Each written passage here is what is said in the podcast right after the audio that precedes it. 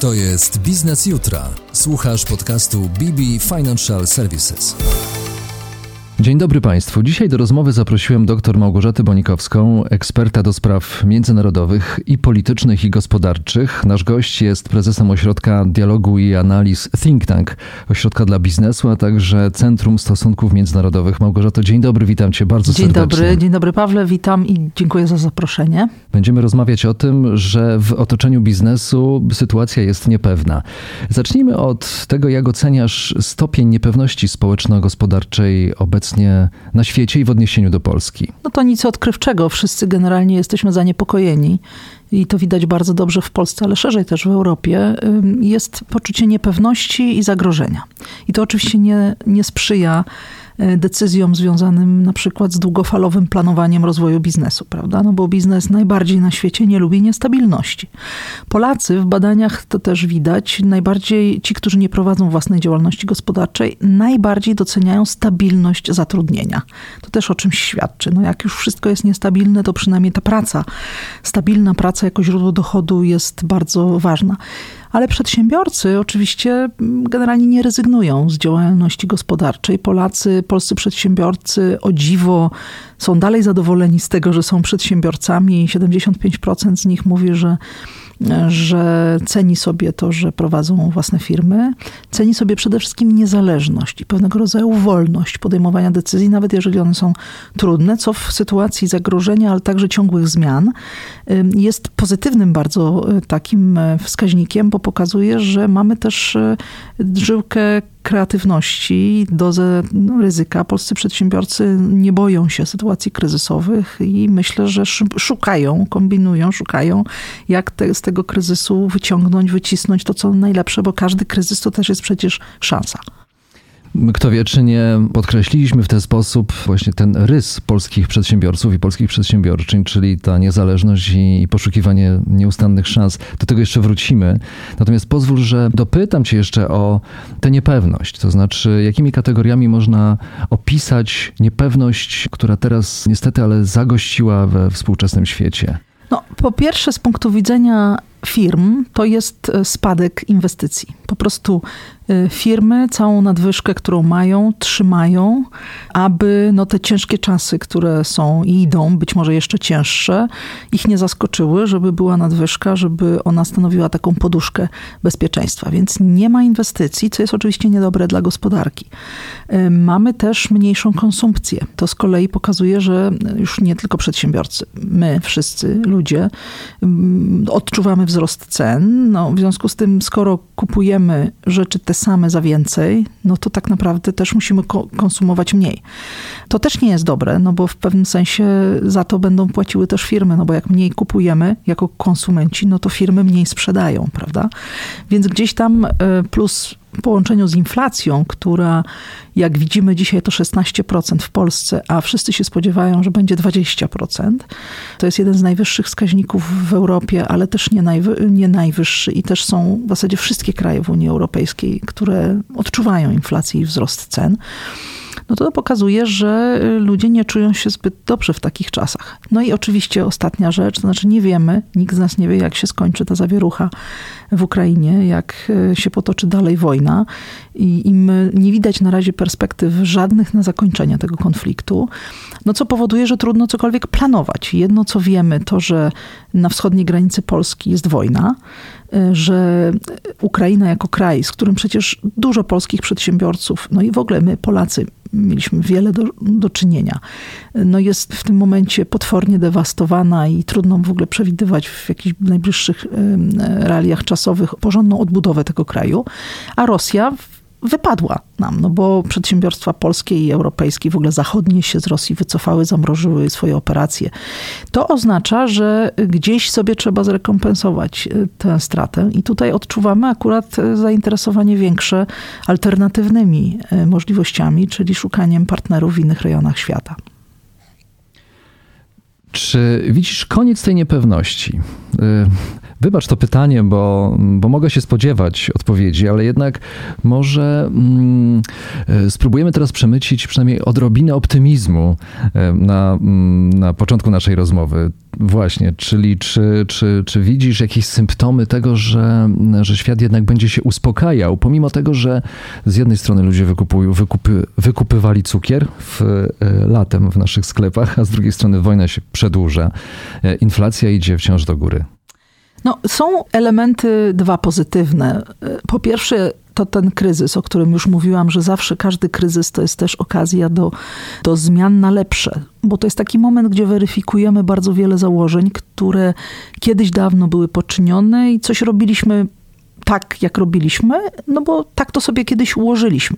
W momencie, kiedy jest zmiana i nic już nie działa tak, jak poprzednio działało, to te modele, te sposoby funkcjonowania, te założenia trzeba zweryfikować. Nie mamy innego wyjścia. Wcale nam się to nie podoba zazwyczaj, bo ludzie nie lubią zmian. Jak nie muszą zmieniać, to nie zmieniają ale mm, ono, to, ta, ta okazja, to jest też okazja do zweryfikowania tych e, sposobów działania, tych modeli, bo być może z biegiem czasu one po prostu już wychodzą z mody, może też przynoszą mniejszą efektywność, a dzisiaj e, w XXI wieku, w roku 2022, no tak szybko się rozwijają chociażby technologie, jest e-commerce, jest bardzo wiele rzeczy nowych, które się pojawiły w ostatnich kilku czy kilkunastu latach i jest to okazja, aby być może wprowadzić je do działania jak mówimy o przedsiębiorstwach, bardzo wiele polskich przedsiębiorstw, nie tylko polskich, weryfikuje swoje, nie tylko sposób funkcjonowania, ale swoje produkty, swoje usługi. Część kasuje, wprowadza nowe, szuka po prostu, szuka. I to jest bardzo pozytywne, dlatego że tu może się okazać, że niektórzy w ogóle się przebranż, przebranżowią na trwałe, a niektóre produkty wprowadzone jako ad hoc, szybką innowację w czasach COVID-u, to właśnie się okazują hitem, tak? Najlepszą możliwą rzeczą, która się mogła firmie przydarzyć. Więc każdy kryzys to jest też element ogromny pozytywnego takiego ładunku determinacji, nowych pomysłów, kreatywności, który być może inaczej by się nie objawił. Druga rzecz, pozytywna też w sumie, że my się przyzwyczajamy trochę do świata, który jest niestabilny. I może wcale nie musimy dążyć do jakiejś takiej strasznej stabilności, bo ona nie musi być potrzebna nam. Po prostu te czasy, które się charakteryzują tym, że ciągle trzeba coś wymyślać, ciągle trzeba się dostosowywać do innych zewnętrznych y, bodźców z otoczenia i ludzi jako konsumentów i biznesu, jako twórców produktów i usług, jest też być może stymulująca, motywująca, no a przede wszystkim to jest ta nowa nasza normalność. I myślę, że Polacy na tle wielu innych narodów akurat taką żyłkę funkcjonowania niezłego w sumie w sytuacji ciągłej niestabilności mają. To może być w dłuższej perspektywie bardzo obiecujące dla Polski, dlatego że mm, my jako naród lepiej się odnajdujemy w takich czasach niż takie narody działające bardzo klasycznie. No na przykład Austriacy, Niemcy to są ludzie, którzy bardzo lubią działać w określonych schematach jest większy dyskomfort, który e, oni odczuwają, jak się te schematy łamie, niż u nas, gdzie Polacy wytrenowani w łamaniu schematów naturalnie, idealnie się w takie czasy wpisują. Więc to też jest pewna szansa. A to, że jest niestabilnie, to może po prostu to tak już będzie. Nie dążmy do jakiejś sztucznej stabilności. Czy to oznacza, że w sferze wartości następuje przewartościowanie, czyli e, kiedy to otoczenie jest niestabilne, nie mamy pewności, do tego się już przyzwyczailiśmy, albo mając świadomość tego, że nie będzie już stabilności, zupełnie inaczej podchodzimy, e, no właśnie w tej sferze do, do naszych działań. Jeśli tak, to czy te wartości, o których chociażby wspomniałaś na początku, czyli niezależność i, i elastyczność nas, Polaków, Polek, czy, czy one są jednak stałe, nadrzędne i zawsze będą z nami? Na pewno to się też właśnie zmienia. Wystarczy spojrzeć na młode pokolenie i na te różnice między osobami, które dzisiaj mają lat naście, a e, starszymi pokoleniami. Dlatego, że młodzi po pierwsze nie mają takiego jak my poczucia nie wiem, prywatności, czy chęci zachowania prywatności. Wszystko jest znacznie bardziej eksponowane i właściwie nie mają problemu młodzi ludzie z pokazywaniem w zasadzie wszystkiego, czego, co, co robią, czyli prywatne i publiczne gdzieś się miesza. Po drugie, nie ma lojalności takiej. To znaczy pracodawca dziś nie musi być pracodawcą jutro. Sposób funkcjonowania w życiu zawodowym, który mamy dzisiaj, nie musi być tym samym za rok.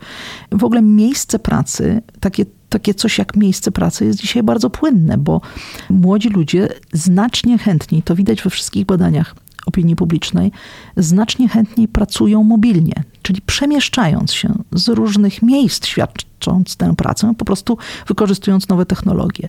To oznacza, że e, no, konsekwencje tego też są ogromne, bo nie ma też przywiązania do miejsca. Jest coraz mniejsze przywiązanie do miejsca i na pytania właśnie, gdzie chciałbyś mieszkać, to jakby młodzi ludzie właśnie nie lubią odpowiadać, bo oni nie wiedzą. Oni mogą mieszkać wszędzie, tak? To jest też ta ogromna łatwość dzisiaj przemieszczania się dla Europejczyków, dla Polaków, którzy są członkami Unii Europejskiej. Pamiętajmy, że też Europejczycy w dużej mierze też w zasadzie niewiele potrzebują wiz i nie mają tych barier. Jest łatwiej nam. Po drugie, y, z internetem i wszystkimi tymi sprzętami, które nas otaczają, smartfony, laptopy i tak dalej, my jesteśmy w ciągłym kontakcie, więc nie mamy poczucia odcięcia, czy jakiegoś wyalienowania, czy emigrowania gdzieś. Nie, no cały czas jesteśmy i z naszymi bliskimi, i z naszymi przyjaciółmi. I po trzecie, y, język, y, który dominuje, angielski język laptopów, komputerów, internetu, łączy też ludzi dzisiaj bardzo skutecznie, łączy młode pokolenie. I ta bardzo wszechobecna w sumie współpraca wspólna warstwa kulturowa. No, słuchamy podobnych piosenek, oglądamy podobne filmy. To wszystko pokazuje, że no, w pewnym sensie dzisiaj wartością jest ta swoboda, to jest właśnie ta ogromnie, ale to jest ta swoboda, właśnie mówię o swobodzie bardziej niż wolność, bo moje pokolenie, na przykład słowo wolność w Polsce rozumie trochę inaczej, bo rozumie bardziej politycznie. To jest ta wolność w naszym kraju, to jest to wyzwolenie się z jakiejś opresji y, związanej z politycznym byciem w bloku, w którym nie chcieliśmy być. Młodzi ludzie rozumieją to jako swobodę, swobodę wybierania, przemieszczania się, decydowania o tym, z kim pracują, jak pracują, gdzie pracują. Właściwie to jest takie flexibility, giętkość i brak a w zasadzie minimalizowanie wszelakich barier i obostrzeń, ale też z negatywnych wartości. To jest właśnie mniejsza lojalność, a większe nastawienie na własną taką samorealizację, własną wygodę też w pewnym sensie. I to też, co wychodzi z badań opinii publicznej, na pierwszy plan przebijają się takie wartości jak właśnie przyjaźń, rodzina, więzi, pomimo tego przemieszczania się, bo jak mówię, nowe technologie um, umożliwiają bycie w kontakcie, a mniejszą wartością dzisiaj jest z punktu widzenia młodych ludzi na przykład określenie siebie zawodowo, czy nawet bardzo dobra płaca, bo oni wiedzą, że to może być zmienne. Zawód może być dziś taki, jutro zupełnie inny. Części zawodów w ogóle jeszcze nie znamy, one się dopiero kształtują. No a płaca, płaca jest trochę zależy też od decyzji naszych. Jeśli chcemy mieć większe pieniądze, to być może jesteśmy w stanie zrezygnować z części tych swoich swobód, ale jeżeli chcemy swobodnie się przemieszczać, to jesteśmy w stanie zrezygnować z większego wykształcenia, e, wynagrodzenia w imię tego, żeby nam nikt nie mówił, gdzie mamy w danym momencie spędzać nasze życie. Czy z tym wszystkim można zarządzać? Jeśli tak, to jak zarządzać? Postawmy się teraz mm, w roli, w, usiądźmy w fotelu prezeski, mm, prezesa firmy z sektora MŚP który ma mm, do przeprowadzenia firmę w, na kolejny etap rozwoju albo przeprowadzenia przez te czasy, które określamy też jako VUCA Times. No właśnie, czyli jak zarządzać tą zmniejszoną lojalnością, jak zarządzać poczuciem swobody u młodych pracowników, jak zarządzać niepewnością na, na rynkach zewnętrznych, na odcięciu od wschodniego rynku. To jest wielkie wyzwanie dla osób zarządzających, zwłaszcza biorąc pod uwagę, że większość ludzi, którzy zarządzają, też reprezentuje te pokolenia nieco starsze, czyli 40 plus, 50 plus, 60 plus. Natomiast y, zarządza się dzisiaj zespołami z reguły wielopokoleniowymi. Czyli tam są i te roczniki, i roczniki młodsze, 30-latkowie, 20-latkowie również. I to zarządzanie międzypokoleniowe już jest samo w sobie wyzwaniem, dlatego że to, co motywuje 40-latków czy 50-latków, niekoniecznie motywuje 20-latków. Więc umiejętność zarządzania tym, ale też y, wykorzystania potencjału tych wszystkich pokoleń, które się nagle spotykają w jednej firmie czy w jednym zespole. E, bo znowu, to, co jest ogromnym potencjałem i plusem starszych roczników, tego młodsze roczniki mogą nie mieć i odwrotnie bo te starsze roczniki też mają pewne niemożności czy nieumiejętności, chociażby związane z nowymi technologiami, za którymi nie nadążają aż tak szybko. Więc to jest pierwsza grupa wyzwań. Druga grupa to jest zarządzanie oczekiwaniami w ogóle dzisiaj ludzi po COVID-zie i w czasie trwającej wojny.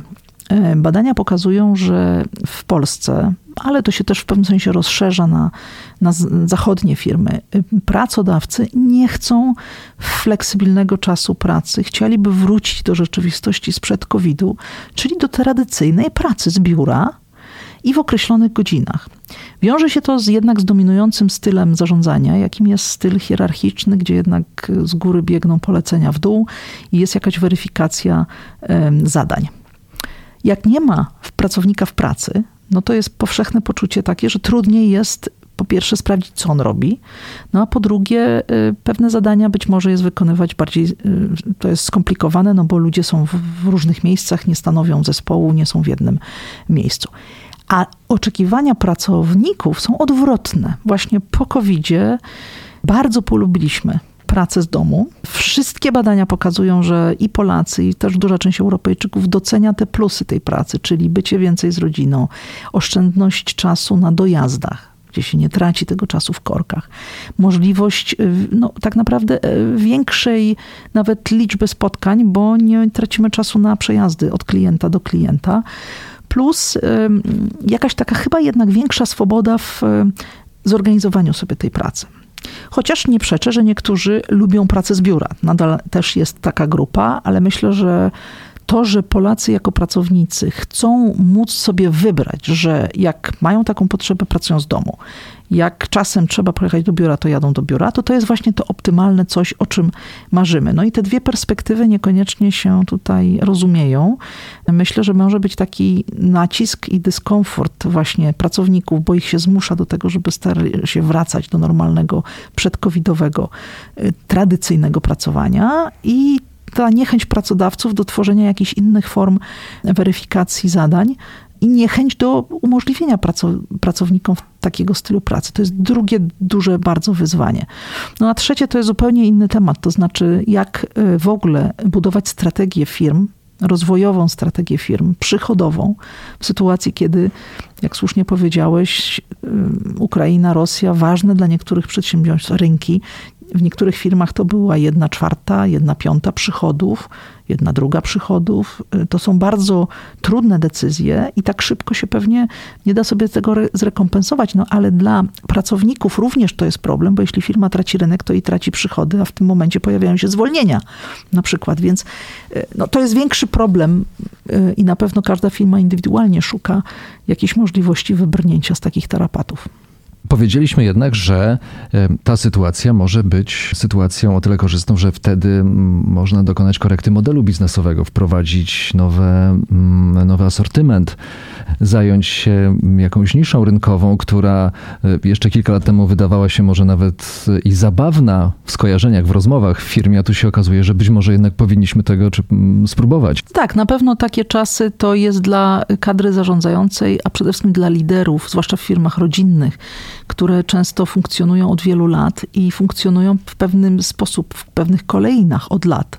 To jest moment, kiedy zdecydowanie warto w ogóle zakwestionować wszystkie założenia, nawet na zasadzie intelektualnego, intelektualnego ćwiczenia, bo y, może się okazać, że nawet nie ze względu na wojnę, czy, czy utratę jakiegoś rynku, tylko ono mo może się okazać, że nawet ze względu na długość życia firmy, warto zweryfikować sposób pracy. No chociażby to, że już od lat przecież mówi się o turkusowych firmach, prawda? To nie jest nic nowego, ale bardzo trudno było w polskiej rzeczywistości takie firmy rzeczywiście przemieniać w tym kierunku, dlatego że my jednak ta kultura w Polsce jest w dużej mierze hierarchiczna. To dotyczy też firm rodzinnych, nie tylko korporacji. W korporacjach zmiany się uzyskuje poprzez wolę z góry i jeżeli korporacja cała się przebudowuje od góry do dołu, no to czy w Polsce się to podoba, czy nie, to polski oddział też się przebudowuje. W firmach rodzinnych polskich wszystko zależy od twórcy, od lidera, od założyciela, którzy często te osoby jeszcze ciągle funkcjonują w biznesie. To jest tylko 30 lat, więc no pojawia się oczywiście wątek sukcesji coraz częściej, ale część z tych osób ciągle jest prezesami, a jeśli nie w zarządzie, to w Radzie Nadzorczej i dominuje, jeśli chodzi o strategię i decyzje w firmach. To jest na pewno sam w sobie trudny moment, ale sukcesja w połączeniu z tym kryzysem i kwestionowaniem różnych założeń z przeszłości może być bardzo właśnie pozytywną zmianą w firmie, bo daje możliwość nowego otwarcia, bo daje możliwość e, e, wprowadzenia zupełnie nowej jakości w tym, jak firma jest zorganizowana, jak pracuje, ale także jakie ma produkty i usługi. Więc warto zadać sobie takie pytania i warto wykorzystać ten kryzys, aby zweryfikować, czy to, w jaki sposób pracujemy, w ogóle jeszcze się sprawdza. Naszym gościem była dr Małgorzata Bonikowska, prezes Ośrodka Dialogu i Analiz Think Tank. To ośrodek dla biznesu, a także prezes Centrum Stosunków Międzynarodowych. Małgorzata jest ekspertem do spraw międzynarodowych, politycznych i gospodarczych, jak zauważyliśmy, i wykorzystaliśmy Twoją wiedzę w ciągu mm, ostatnich minut, w ciągu tych minut rozmowy. A kto wie, czy najtrudniejsze pytanie nie padnie teraz, zostawiłem je na koniec naszego spotkania, to znaczy, czy w jednym zdaniu, w jednej zasadzie potrafiłabyś sformułować, sformułować myśl, właśnie zasadę, która pomogłaby firmom przetrwać i rozwijać się w tych czasach, jakie mamy teraz. Ja celowo nie używam słów, że to są trudne czasy, czy czasy wymagające, ale w tych czasach, jakie mamy teraz. Taka jedna zasada. Myślę, że bardzo dobrze oddaje te czasy slogan, który został ukuty, aby opisać Polskę przez Brytyjczyka, który został poproszony o to, żeby wypracować taki rodzaj jakby kwintesencji polskości. I on wymyślił słowa creative tension, czyli twórcze napięcie. Myślę, że to bardzo dobrze oddaje dzisiaj to, co się dzieje, bo y, napięcie wynika z niepewności i z tego, że kwestionujemy pewne zasady. Zawsze jest łatwiej żyć w czasach zanalizowanych, zdiagnozowanych i takich znanych gdzie wszystko wiemy, nawet jeżeli ta rzeczywistość jest trudna, ale jest znana, jak w czasie zimnej wojny na przykład. Ale musi do tego być ten element twórczości, to creative, bo jeżeli jesteśmy nastawieni do tego jako do wyzwania, któremu nie tylko możemy sprostać, ale tak naprawdę jest to szansa, to ta nasza kreatywność, która jest, jak widać, widać też polską cechą, bardzo wyraźnie podkreślaną przez cudzoziemców, my nie siedzimy z założonymi rękami i czekamy, co się wydarzy, my szukamy rozwiązań, ciągle czegoś szukamy. To ona może nam dać bodziec i pomysły do lepszego działania w takich właśnie trudnych czasach. Także twórcze napięcie. Bardzo dziękuję za spotkanie i za rozmowę. Dziękuję także. To jest Biznes Jutra. Słuchasz podcastu BB Financial Services.